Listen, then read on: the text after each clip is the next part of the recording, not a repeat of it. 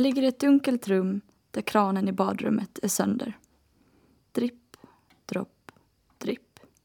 Jag tittar ner på det senapsgula golvet som får, om möjligt, en ännu fulare färg när det blandas med exitskyltens gröna sken.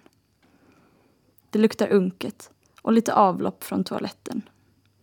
Bredvid mig ligger min kompis Isa och sover tungt. Hennes rofyllda andetag, som vanligtvis skulle vara så betryggande, stör mig nu och det är rejält. Ah, men vad fan! Isa som har grova sömnproblem och som aldrig kan sova. Men i en skithåla på andra sidan jorden, då passar det tydligen. Dripp, dropp, dripp. Plötsligt börjar rummet att skaka. Väggarna vibrerar så mycket att våra stora ryggsäckar ramlar omkull. Något stort, väldigt stort, närmar sig och det är i en rasande fart. Nu vaknar också Isa till. Vad är det som händer? Nu hörs ett skjutande högt ljud. Är det en tågvissla? Håller ett tåg på att köra in i huset? Det kommer närmare och närmare. Jag håller andan och tror att det ska spränga in i vårt spartanska sovrum. Det gör det inte, utan det fortsätter rulla på spåret som ligger precis bakom vårt hostel. Efter en minut hade dragit vidare och det enda som hörs nu är den droppande kranen. Dripp, dropp, dripp. Alltså, var har jag hamnat? Det var inte så här jag hade tänkt mig att det skulle vara att backpacka. Jag hade sett fram emot att dricka nypressad juice på stranden och se sengångare i djungeln. Nu skiter jag i det. I både juice och sengångare. Jag vill bara en sak. Jag vill hem. Hem till min familj, pojkvän och vänner. Men jag kan inte åka hem direkt. Det skulle kännas som ett riktigt misslyckande. Ja, och Isa skulle bli så besviken. Jag måste försöka i alla fall. Där och då gör jag en deal med mig själv. Två veckor. Det är ju ingenting. Det måste jag klara. Och sen får jag sticka hem. Okej, okay, jag fixar det. Men usch, vad det känns ensamt nu. Och läskigt. Kan det inte bli morgon snart? Jag skulle aldrig ha åkt på den här skitresan och den där jävla kranen slutar ju aldrig att droppa. Jag som låg där och längtade hem på min första långresa heter Lisa Östberg och jag sommarpratar idag i Ålands Radio. Hur kom det sig att jag började älska att resa och skulle besöka 40 länder till efter den där natten ska jag nu berätta. Välkommen på min resa.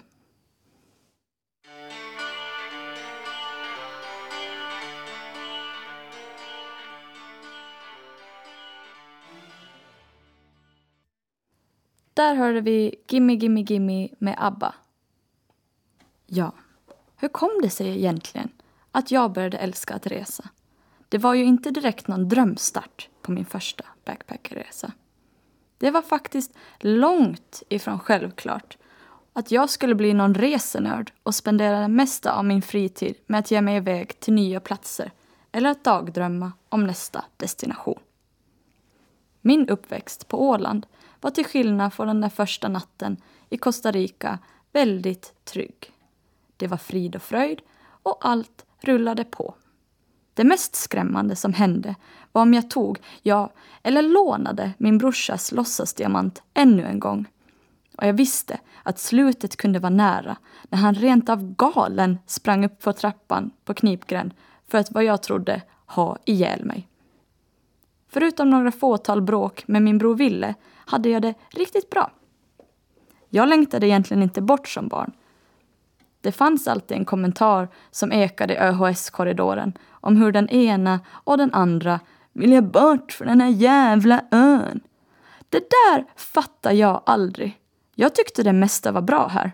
På den här så kallade jävla ön fanns ju Sleipneshästar, mina kompisar och berlinermunkar verkade inte finnas att köpa någon annanstans.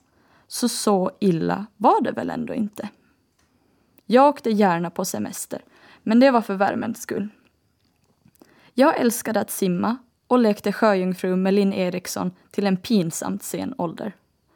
Det bästa med familjesemester till Spanien och Thailand var att vattnet var så varmt att jag kunde simma hela dagarna och därmed dra på mig en ordentlig öroninflammation varenda jäkla semester. Något som kom att ändra min längtan ut i världen mer än varmt vatten var i mitten av lågstadiet när historiens värld öppnades. Wow!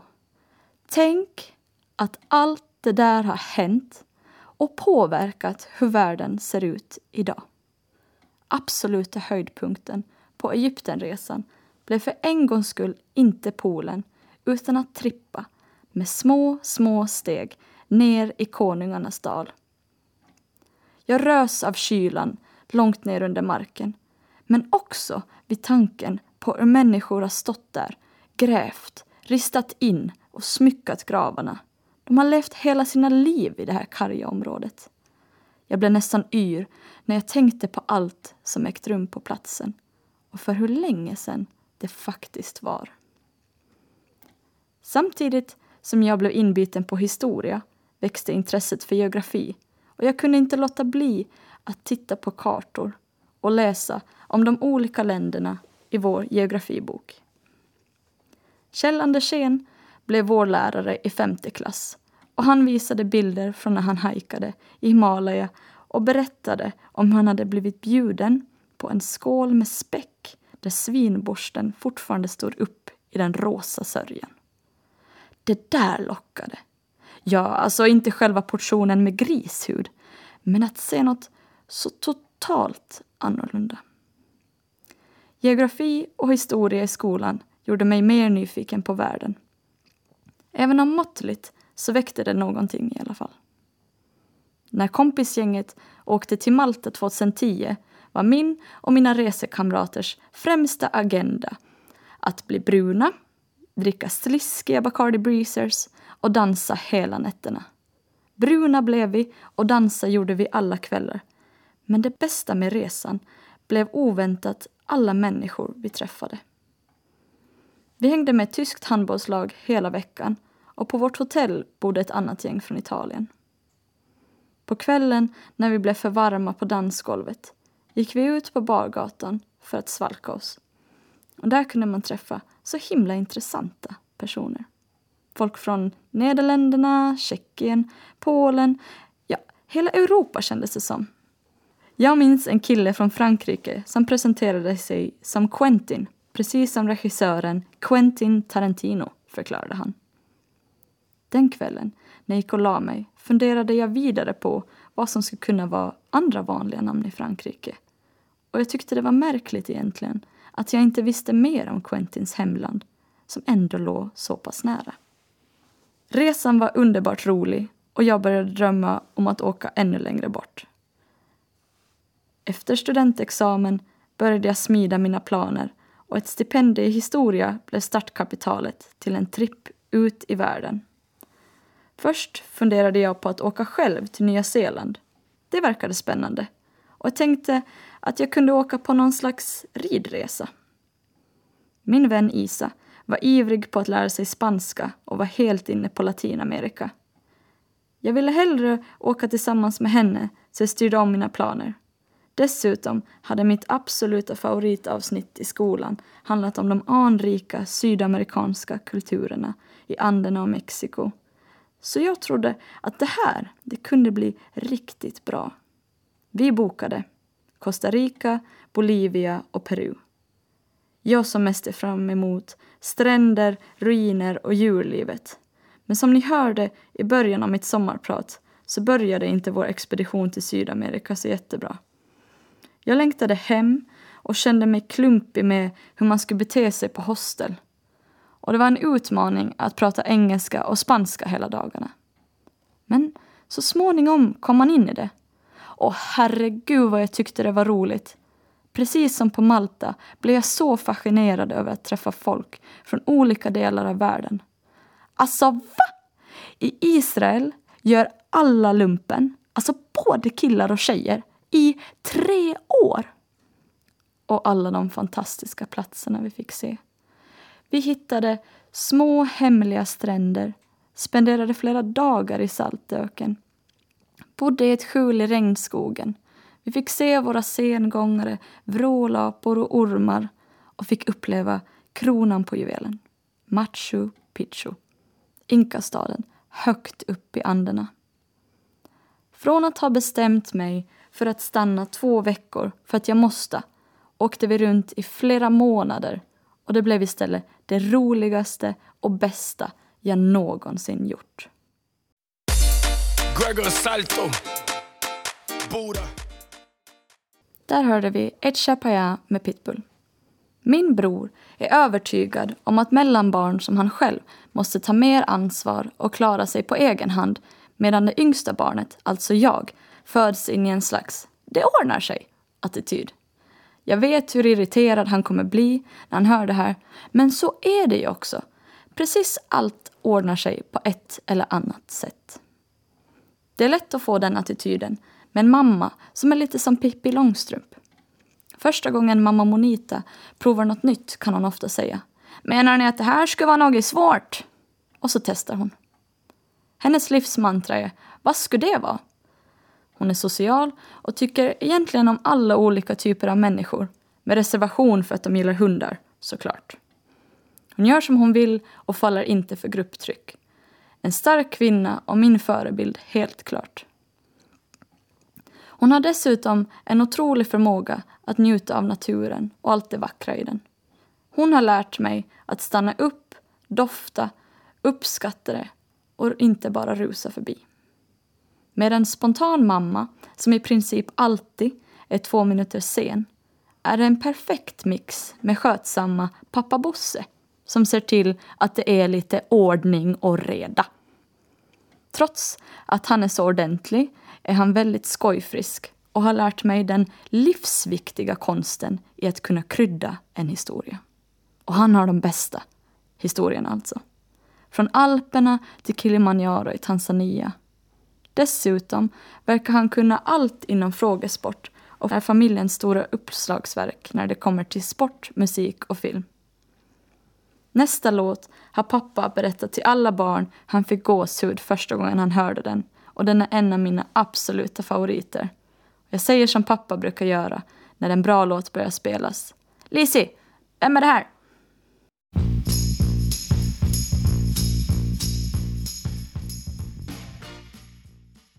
Det var You Can't Hurry Love med The Supremes. Mina föräldrar har ordagrant sagt att de tog semester med mig.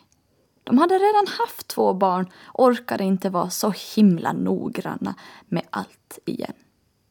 Nackdelen för mig med det här är att det knappt finns några foton på mig överhuvudtaget medan albumen är fullspäckade med gulliga, kletiga spagettibilder på mina syskon. Men för det mesta verkar det endast vara fördelar. Två äldre syskon har banat väg för mig och jag glider med i livet ganska bra. Syster Sofie, eller Soffe, är 13 år äldre än mig och var därför mera en cool vuxen som jag kunde åka på ridläger med eller gå på konserter med hennes kompisar. Mycket bättre än någon skrikig lilla syster, tyckte jag. En äldre bror kunde vara jobbigt ibland men fast jag hotade med att flytta om inte Ville gjorde det och jag tyckte att han var djävulen själv ibland så växte han upp till en av de absolut snällaste personerna jag känner. Han är ofta arg, men det är bara kul. Och han har ärvt min pappas otroliga vänlighet till djur och är den enda i familjen som har någon musikalitet överhuvudtaget. Med mina föräldrar är det inte särskilt svårt att få bra självförtroende. De firade när jag vann första pris i en hästtävling lika mycket som de gånger jag endast överlevt med blotta förskräckelsen. De står alltid där, gör tummen upp och ler. De har lyft min självkänsla på ett sätt som bara svensktalande, jantepräglade föräldrar kan. De berömmer mig för att vara precis lagom. Kanske det är därför som jag vågar ge mig iväg och inte särskilt skraj för att resa själv.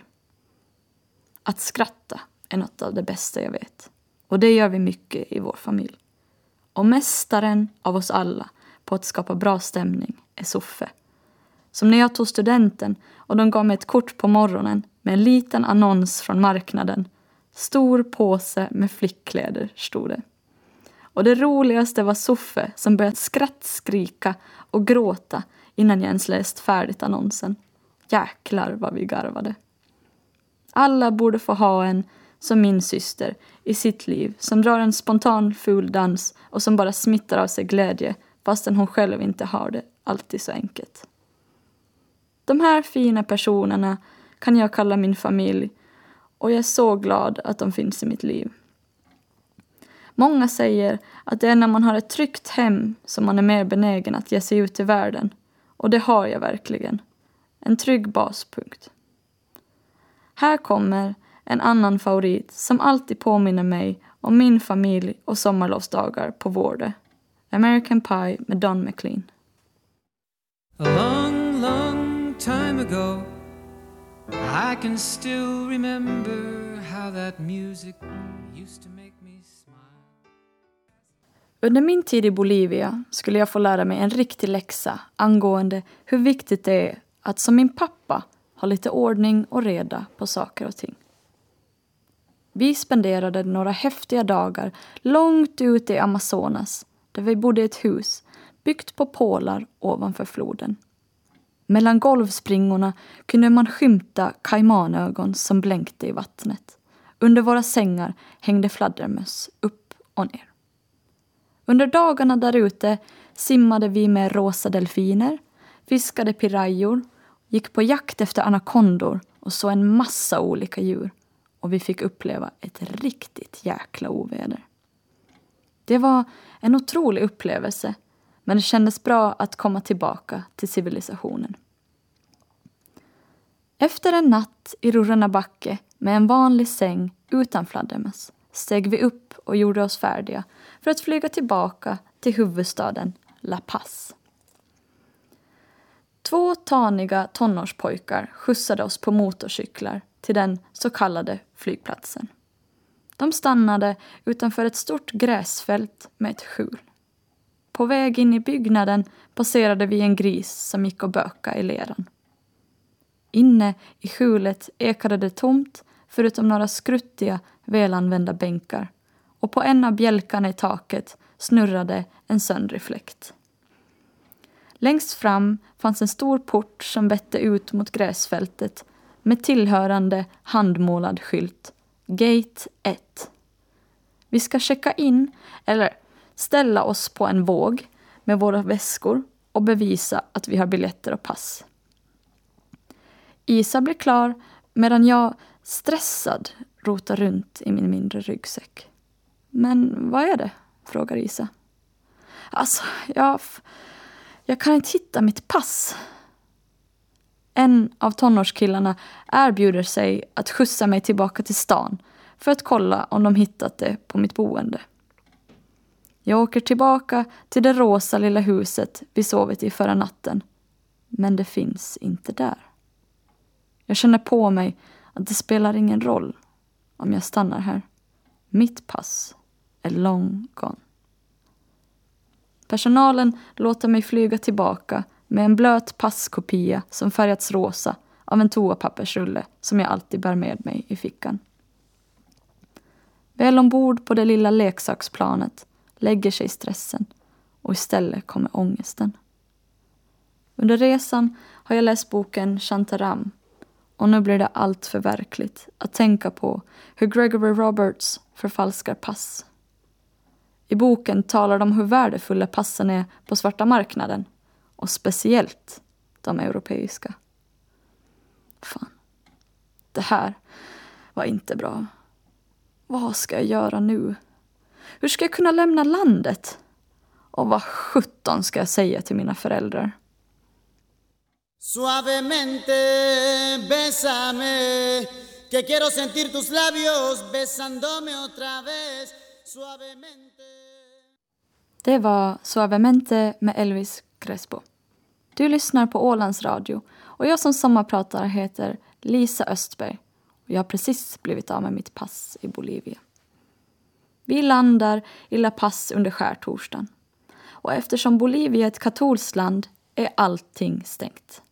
Min stackars pappa sitter fastklistrad vid datorn hela påsken och letar frenetiskt efter en lösning. Men det finns ingen hjälp att få.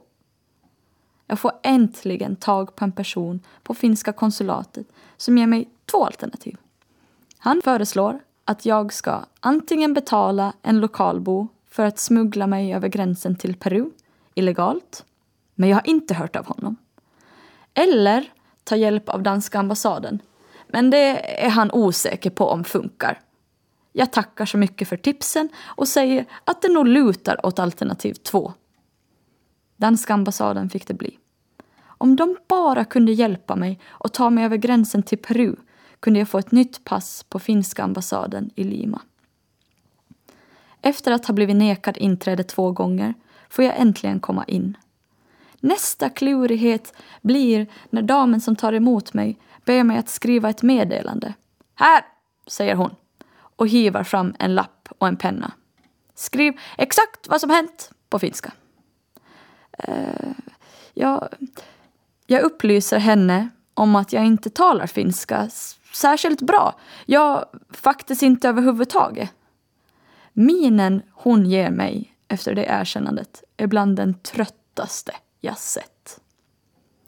Väl vid gränsen sätter jag kaxigt fram mitt nya pass som ser mer ut som ett trött postkort än en giltig ID-handling. Tjänstemannen vänder och vrider på det, tittar på mig och säger var menar du att jag ska stämpla den här? Nej, nej tjejer, ni får åka tillbaka till La Paz. Isa är den första av oss två som hinner reagera. Plötsligt blir hennes spanska flytande och hon spottar och fräser när hon säger att det gör vi minsann inte. Han säger Lugn, senorita. Vi kan nog lösa det. Och visar en menande gest som bara kan tolkas som pengar. Um, hur, pff, hur mycket? Frågar jag på mutspråk som jag studerat alldeles för lite i gymnasiet. 30 dollar, säger han.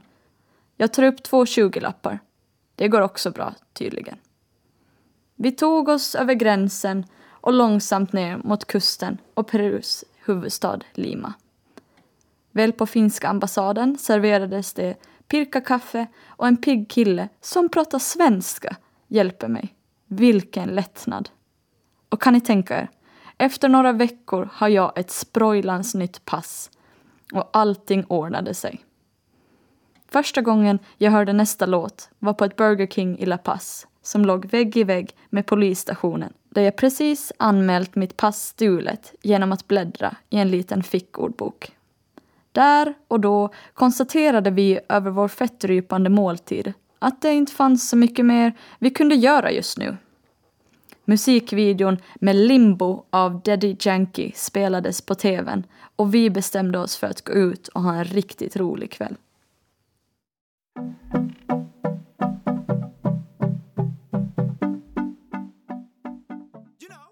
Det har blivit många resor runt om i världen efter den där tråkiga passhistorien i Bolivia. Flera rundresor i Latinamerika, där Mexiko är en stor favorit. Ett land som i min åsikt har allt. Framförallt helt fantastisk mat, om man gillar koriander, det vill säga. En hel del ryggsäcksluffande har det blivit i Asien, som troligen är den lättaste världsdelen att backpacka i, framförallt Sydostasien. Det finns så mycket att upptäcka. Från knallblå vattenfall i Filippinerna, skyskrapor i Singapore och historien i Kambodja. Och min absoluta favorit, Burma. Vad jag hade längtat efter att få se tempelstaden Bagan. Och vilken känsla det var att vara på plats. Vi steg upp mitt i natten för att köra iväg på våra elskotrar och klättra upp på ett tempel och därifrån se stjärnorna rulla bakåt och solen gå upp över en scen som liknar någonting surrealistiskt ur Djungelboken möter Star Wars. Och samtidigt hundratals luftballonger som stiger upp över himlen. Jag har också haft den fantastiska möjligheten att bo i Australien. Och jag kan inte rekommendera detta enorma land nog. Och åk inte bara en vecka till Sydney eller Melbourne. Utforska mer. Bäst trivs jag i sydvästra hörnet där luften är varm och det turkosa vattnet svalkar skönt. Stränderna där är så vita att min mobilkamera inte ville sluta föreslå snöfilter. Och du lär vara den enda eller en av få turister. Människorna här är så otroligt charmiga, cheeky som de säger, busiga och har lätt till skratt. Jag jobbade några månader i ett travstall nära Busselton och på den farmen fanns det flera backpackers, vilka alla var fransmän. De introducerade mig till nästa låt som blev en solklar favorit under tiden i Australien. Här kommer Jaja med Aya Nakamura.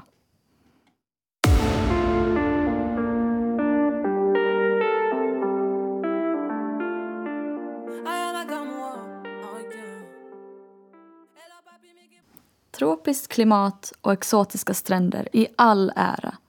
Men det är någonting alldeles, alldeles speciellt med Europa. Portugals långa gyllene stränder, flodbåtarna i Belgrad, broarna i Florens, sjöarna i Slovenien, kanalerna i Nederländerna, bergen i Österrike och mitt älskade Tyskland. Just Tyskland får allt för lite beundran för sina vackra små sagostäder, berg och kristallklara sjöar och ofantligt många bagerier som sprider en doft av nybakt bröd var du än är. Studietiden i Tyskland var helt fantastisk. Jag trivdes verkligen i landet och jag trivdes jättebra i en så internationell studiemiljö som vi hade. Det är billigt att äta ute, drickan kostar i princip ingenting, sommaren är längre och julen mysigare. Tyskland gjorde mig nog också mer utav en europé än vad jag varit tidigare. Jag är inte bara ålänning, utan jag är en del av en stor smältdeg av människor, kulturer och språk. Att bo så där i mitten av kontinenten gjorde det bara så tydligt. Vad säger ni hörni? Ska vi åka till Italien över helgen? Och jag märkte hur mycket jag faktiskt hade gemensamt med de andra européerna. Jag kan inte prata om att resa i Europa utan att nämna Interrail. Att resa med tåg är enligt mig ett av de roligaste sätten att ta sig fram och så himla behändigt. Visst, du kan komma billigare undan om du lyfter eller lyckas hitta en snorbillig buss. Men att åka tåg längs med floder, upp i berg, ner i dalar är en annan upplevelse än motorvägens raka spår. Dessutom är du så flexibel. Ser ett ställe fint ut är det bara att hoppa av och ta nästa tåg istället. En nybörjar-interrail med tåg gör du bäst i Tyskland, Schweiz och Österrike där du även får åka snabbtåg med passet. För medelsvår adderar du kanske Nederländerna, Belgien och Polen. Vill du ha lite kaos? Släng in Italien eller Balkanländerna. Och vill du riva av dig håret? Kör en interrail i Frankrike och Spanien. Stereotypsenligt har de absolut ingen koll på någonting och strejker kommer att vara ett glatt inslag i din semester. Men det är inte omöjligt. Riktigt bra träning på problemlösning skulle man kunna kalla det. Och vilka underbara platser det finns där. Nästa låt heter She's So European med Kiss.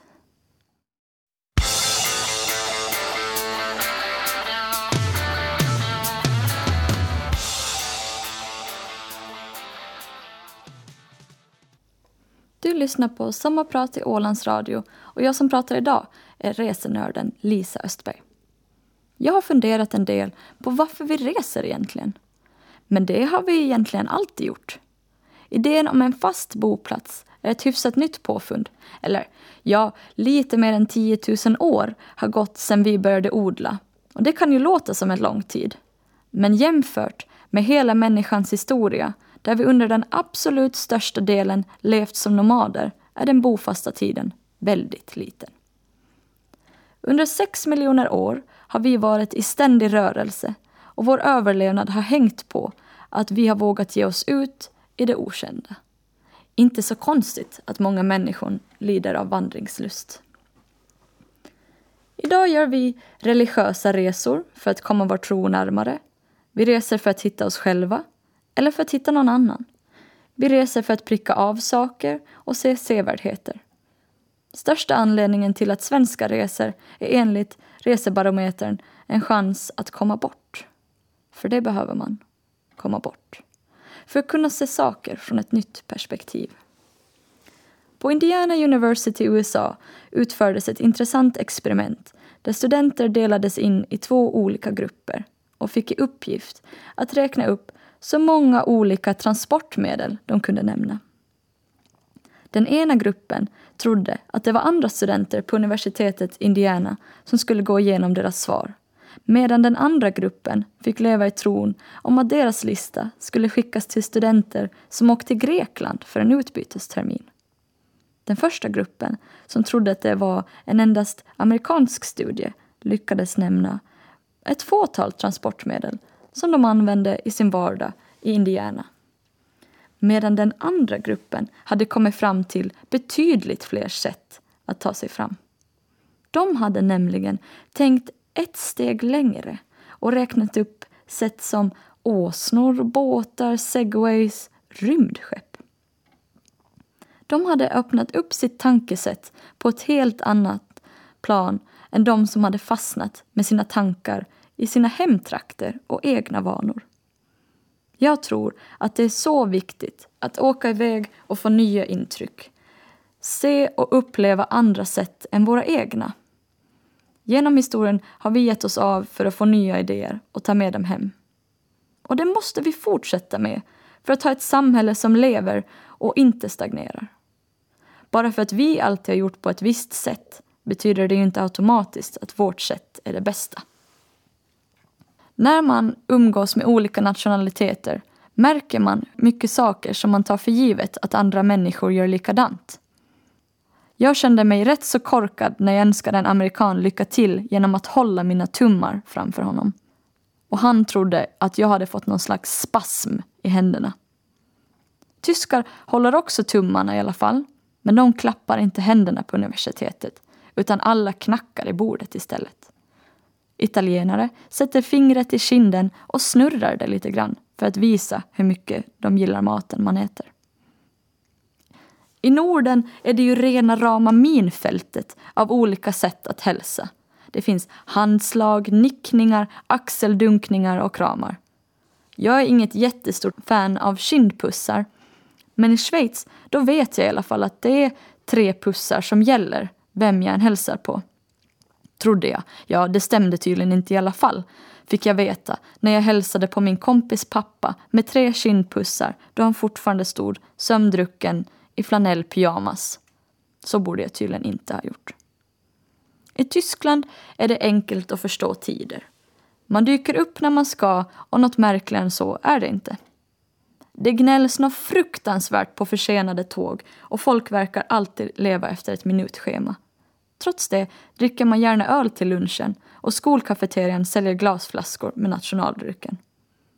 Blir man bjuden på fest till en latinamerikan, då gäller det att dyka upp sent. Världsvan, som jag trodde jag var, dök jag upp snyggt sent klockan nio trots att jag blivit inbjuden klockan åtta till en fest. Men när jag knackade på var det ingen som öppnade och jag ringde födelsedagsbarnet som utbrast Va? Är du redan där? Jag har kommit fram till att det jag gillar mest med att resa är att träffa nya människor. Och när man reser så hinner man lära känna folk så väl på så kort tid. Efter 36 timmar tillsammans hinner man ofta berätta och få reda på mer om varandra än vad jag vet om många bekanta som jag varit vän med i flera år. Det blir så otroligt intensivt. Man sover i samma rum, åker på samma utflykt, äter alla mål tillsammans, festar, hänger och har djupa samtal. Och där man träffar garanterade guldkorn till karaktärer är hostels. Men usch, är inte hostels äckliga? säger en del. Jo, det kan de vara, men jäklar vad roliga de är. Man vet aldrig vem man kommer att träffa eller vart man kommer att hamna. Visst blir man trött ibland när man kommer hem och ser att någon annan har gått och lagt sig i en säng. Eller när man vaknar av att folk har ropat Keep to your right mate! och sen kaskadspytt över hela golvet och halva underslafen. Men jag har fått vänner för livet, blivit kär, slagit hål på fördomar och haft så sjukt kul. Jag reser ofta själv och folk frågar mig jämt och ständigt om jag inte är rädd. Klart jag är rädd ibland, men jag är också rädd på Åland ibland. Ja, men som tjej, inte borde du väl ge dig av på egen hand? Det finns ju så många sliskiga typer. Ja, det finns det absolut. Men det är väl de som borde bete sig och inte jag som ska sluta med vad jag älskar. Jag gör ingenting olagligt eller moraliskt ifrågasättande. Jag vill bara se nya platser, men ensam. Men visst önskar jag ibland att jag gav ett mer respektingivande intryck och det skulle underlätta enormt om jag kunde kissa stående. Och visst sjutton skrämmer det mig att sova ensam på ett tåg med mystiska män som stryker kring. Och hur sjukt är det inte att jag arrangerar mina byxor i olika låsmekanismer så att det inte ska gå att riva av. Det tror jag inte någon av mina manliga kompisar gör när de åker tåg. Å andra sidan är det inte alltid en nackdel att se oskyldig och ofarlig ut. Har jag glömt ID på en buss mellan Frankrike och Tyskland är det helt lugnt, men kom ihåg det nästa gång. Medan min manliga vän längre bak i bussen får svordomar och spottande ilska. Folk hjälper mig gärna för jag inger inget hot. Ofta är det en större chans att man som man blir rånad, så det är inte så svart och vitt. Men det är inget snack om att det är en helt annan typ av utmaning för en kvinna. Och jag har varit i otaligt många olustiga och rent av farliga situationer med män som vägrar lämna mig i fred och tvingat mig hoppa ut ur en rullande bil i ett trafikljus och gömma mig i flera timmar. Men nyligen blev den yngsta personen att besöka alla världens länder en 21-årig kvinna och kan hon så kan jag. Jag vägrar ge upp min passion för ett fåtal idioter.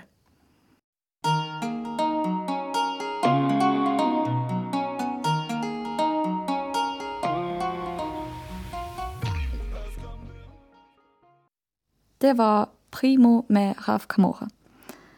I allmänhet blir de flesta personer jag träffar fascinerade av att jag kommer från en ö och de kan inte fatta att en plats som Åland finns. Ja, men det kan knappt jag själv förstå. Hur stolt känner man sig inte när man kan skryta om att man kommer från ett ösamhälle med en skärgård på 6000 öar där vi har vår egen flagga, lagting, radiokanal, flera tidningar, bio, ett nästan orimligt antal restauranger, slott, hotell, kaféer, båthamnar och så vidare. En arbetslöshet som i vanliga fall är i princip obefintlig. En skola som är gratis, där det serveras varm skollunch och arbetstagaren har fem veckors semester. Jag nästan skäms hur bra vi har det. Jag har märkt att folk i min ålder som kommer från andra länder så lika mig fast de har en helt annan bakgrund. Vi funderar på samma saker, vi pluggar, vi bråkar med pojkvännen, vi älskar vår mormors mat, vi drömmer om samma saker, men vi har inte samma förutsättningar. Prova att diskutera kostnadsfrågan angående studier. Ja, men hur mycket kostar det för dig då, Lisa? Ja, nej, alltså, pff, vi har liksom ingen uh, terminsavgift. Uh, Jaha, men vad då? då? Ja, men vi betalar via skatt. Jaha, okej. Okay. Um, hur, uh, hur betalar du din hyra då? Betalar dina föräldrar den? Nej, vi, vi får lite pengar varje månad så jag kan betala den på egen hand. Vad sa du? Hur mycket då? Ja, det är inte så mycket. Typ 500 euro. Menar du att du får betalt för att plugga? Ja, vi har det så otroligt bra här. Ta det inte för givet att du får studera på universitet och har så många möjligheter i livet som vi har. Något av det bästa med att ge sig iväg är att man börjar uppskatta var man kommer ifrån. Jag är mycket mer intresserad av vår historia och kultur och inser värdet av vår välfärd på ett annat sätt efter att ha tagit del av andras seder, traditioner och livssituation. Ett ännu bättre sätt för att se samma gamla vanliga platser, maträtter och traditioner med nytt ljus är att bjuda hit vänner, släkt, bekanta eller främlingar från en annan ort. Efter att ha stått på Rockoff med en italienare som har tårar i ögonen och piper ”Kolla ljuset!” medan hon filmar himlen istället för konserten påminner det mig om hur häftiga våra sommarmånader faktiskt är. Bjud hem främlingar via couchsurfing för att ta del av världen på hemmaplan. Jag har haft folk från Korea, Ryssland, USA, Tyskland som har fått sova på min soffa gratis. Över en kopp te eller en middag har de sen berättat om sin hemstad och vi har diskuterat likheter och olikheter. Det är inte särskilt mycket besvär. Det är bara roligt att träffa någon ny och jag vet själv hur otroligt mycket jag uppskattar det när en lokalbo visar en runt. Jag har ofta vänner över till Åland på sommaren och det är alltid roligt att visa dem den plats som jag tycker är vackrast i hela världen. En galen midsommarhelg slog jag på stort och hade ett blandat gäng studievänner från Mexiko, Nederländerna, Tyskland, Frankrike och fasta Finland på plats. Det var stressigt, men en av de roligaste helgerna i mitt liv. De vart helt tagna av Åland och skärgården, vägrade sluta basta och midsommar, det var det djupaste och bästa de hade varit med om. Jag tror att det var länge sedan någon har skrikit Viva Mexico! Viva la revolution! vid stångresningen i Önningeby och det lär dröja innan det händer igen. De pratar fortfarande om det här varje gång jag ringer upp dem. Tack alla inblandade. Ni gjorde det till ett minne för livet för dem, men också för mig. Desto mer jag reser, desto mer värdesätter jag Åland. Åland är salt och klar luft. Åland är smaken av kardemumma. Åland är diskussioner om Nordan. Åland är iskall Lonken och bastubad. Åland är trygghet. Åland är doften av nyrökt fisk. Åland är barfota fötter på lavtäckta berg, knarrande rep och kluckande vatten. Åland är mina vänner och min familj. Jag har träffat så ofattbart fina personer ute i världen men det finns också helt underbara ålänningar på den här jävla ön som man sa i högstadiet. Jag har fått vänner för livet från skolan, stallet, parodigrupper, sommarjobb och dansen. Och vissa alldeles, alldeles speciella vänner som jag är så lycklig att jag har. Kanske ni också pushar mig till att resa för att jag vet att jag har er, precis som en extra familj, vad som än händer, i vått och torrt. Ni vet vem ni är och jag ska göra vad som helst för er.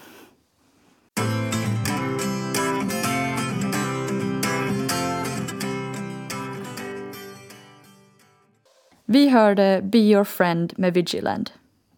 Men är det verkligen rätt tid att prata om resor nu under covid-19-tider? Ja, det tycker jag. För det är ju så att efter regn kommer solsken. Precis som alla tidigare kriser kommer vi att ta oss även ur denna period. Många vanor kommer säkerligen ändra, men det är ju lite så vår värld fungerar. Vi lever i en ständig förändring och det är det som anpassar sig som överlever. Stephen Hawking sa i sitt examenstal på Oxford University att intelligens är förmåga att kunna anpassa sig. En kris kan ses som en ond spiral neråt som aldrig tar slut eller som en chans till förändring och framförallt förbättring. Det finns många företagare som kämpar just nu på Åland men av dem så är det många som har en brinnande entreprenörsanda. De justerar, kämpar och förbättrar sin business. Och det är de som kommer att överleva. Resandet kommer också måste anpassa sig efter detta. Kanske kryssningar slopas helt och hållet. Mer troligt är att man kommer utveckla ett nytt, bättre, mer säkert sätt att resa med fartyg. Men miljön då? Ja, jag håller med. Vi kan inte fortsätta flyga och smutsa ner som vi gjort hittills. Kanske det här kan vara en nytändning för tågtrafiken. Tågresor har ökat de senaste åren men inte fått den här slagkraften som krävs för att folk ska tycka att det är ett självklart val att ta tåget till Berlin istället för flyget. Kan det här bli startskottet, månne? I storstäderna runt om världen som vanligtvis ligger täckta i smog har nu unga förmågor sett stjärnorna för första gången på kanske flera år. Och de kommer inte nöja sig med att gå tillbaka som det var. Vi kommer att fortsätta resa och det måste vi för att få nya intryck, nya idéer och fortsätta att utvecklas. För öppenhetens skull och samarbete mellan länder. Men vi måste ändra sättet vi gör det på. När du reser, ta tåget och åk landvägen. Åk kommunalt. Om det kräver en flygning, skippa mellanlandningen.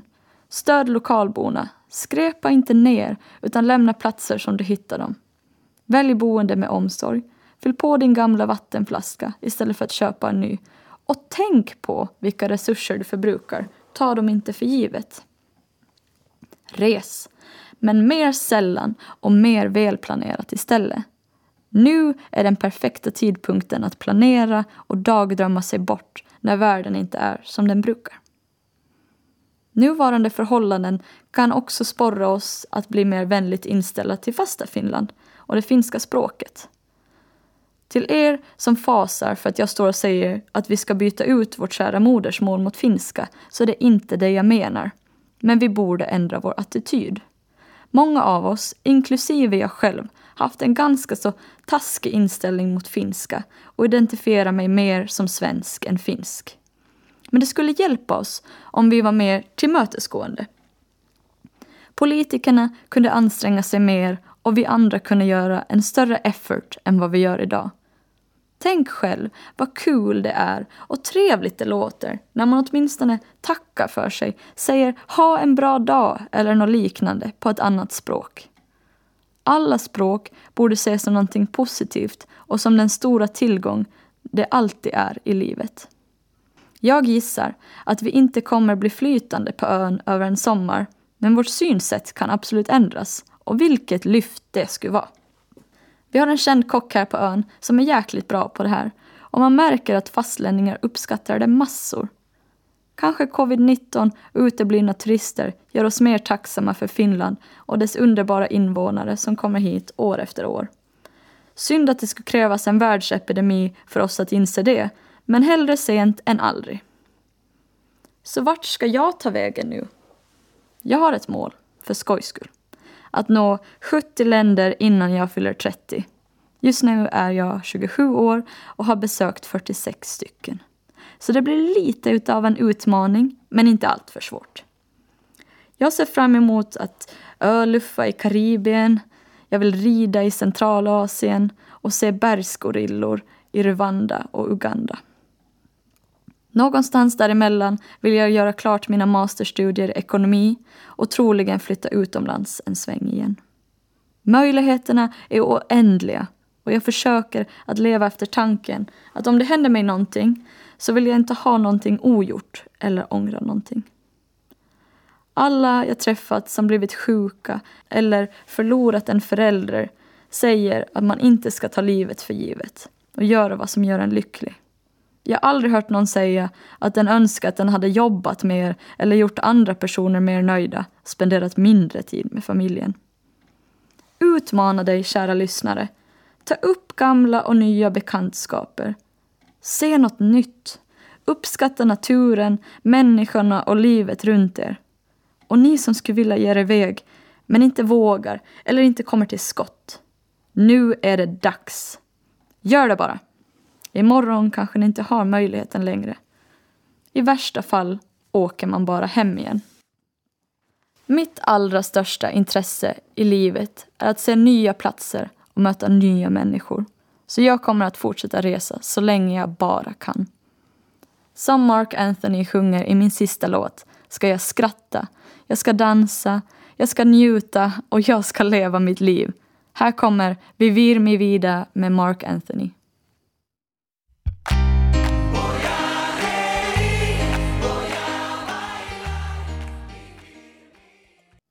Jag som har sommarpratat idag heter Lisa Östberg. Ha en riktigt skön sommar nu och förhoppningsvis en framtida resa. Tack för att du har lyssnat.